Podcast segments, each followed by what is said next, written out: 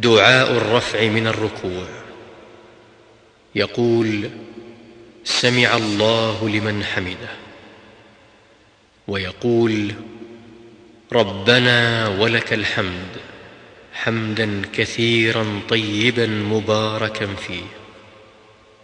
ويقول ملء السماوات وملء الأرض وما بينهما وملء ما شئت من شيء بعد. أهل الثناء والمجد أحق ما قال العبد وكلنا لك عبد.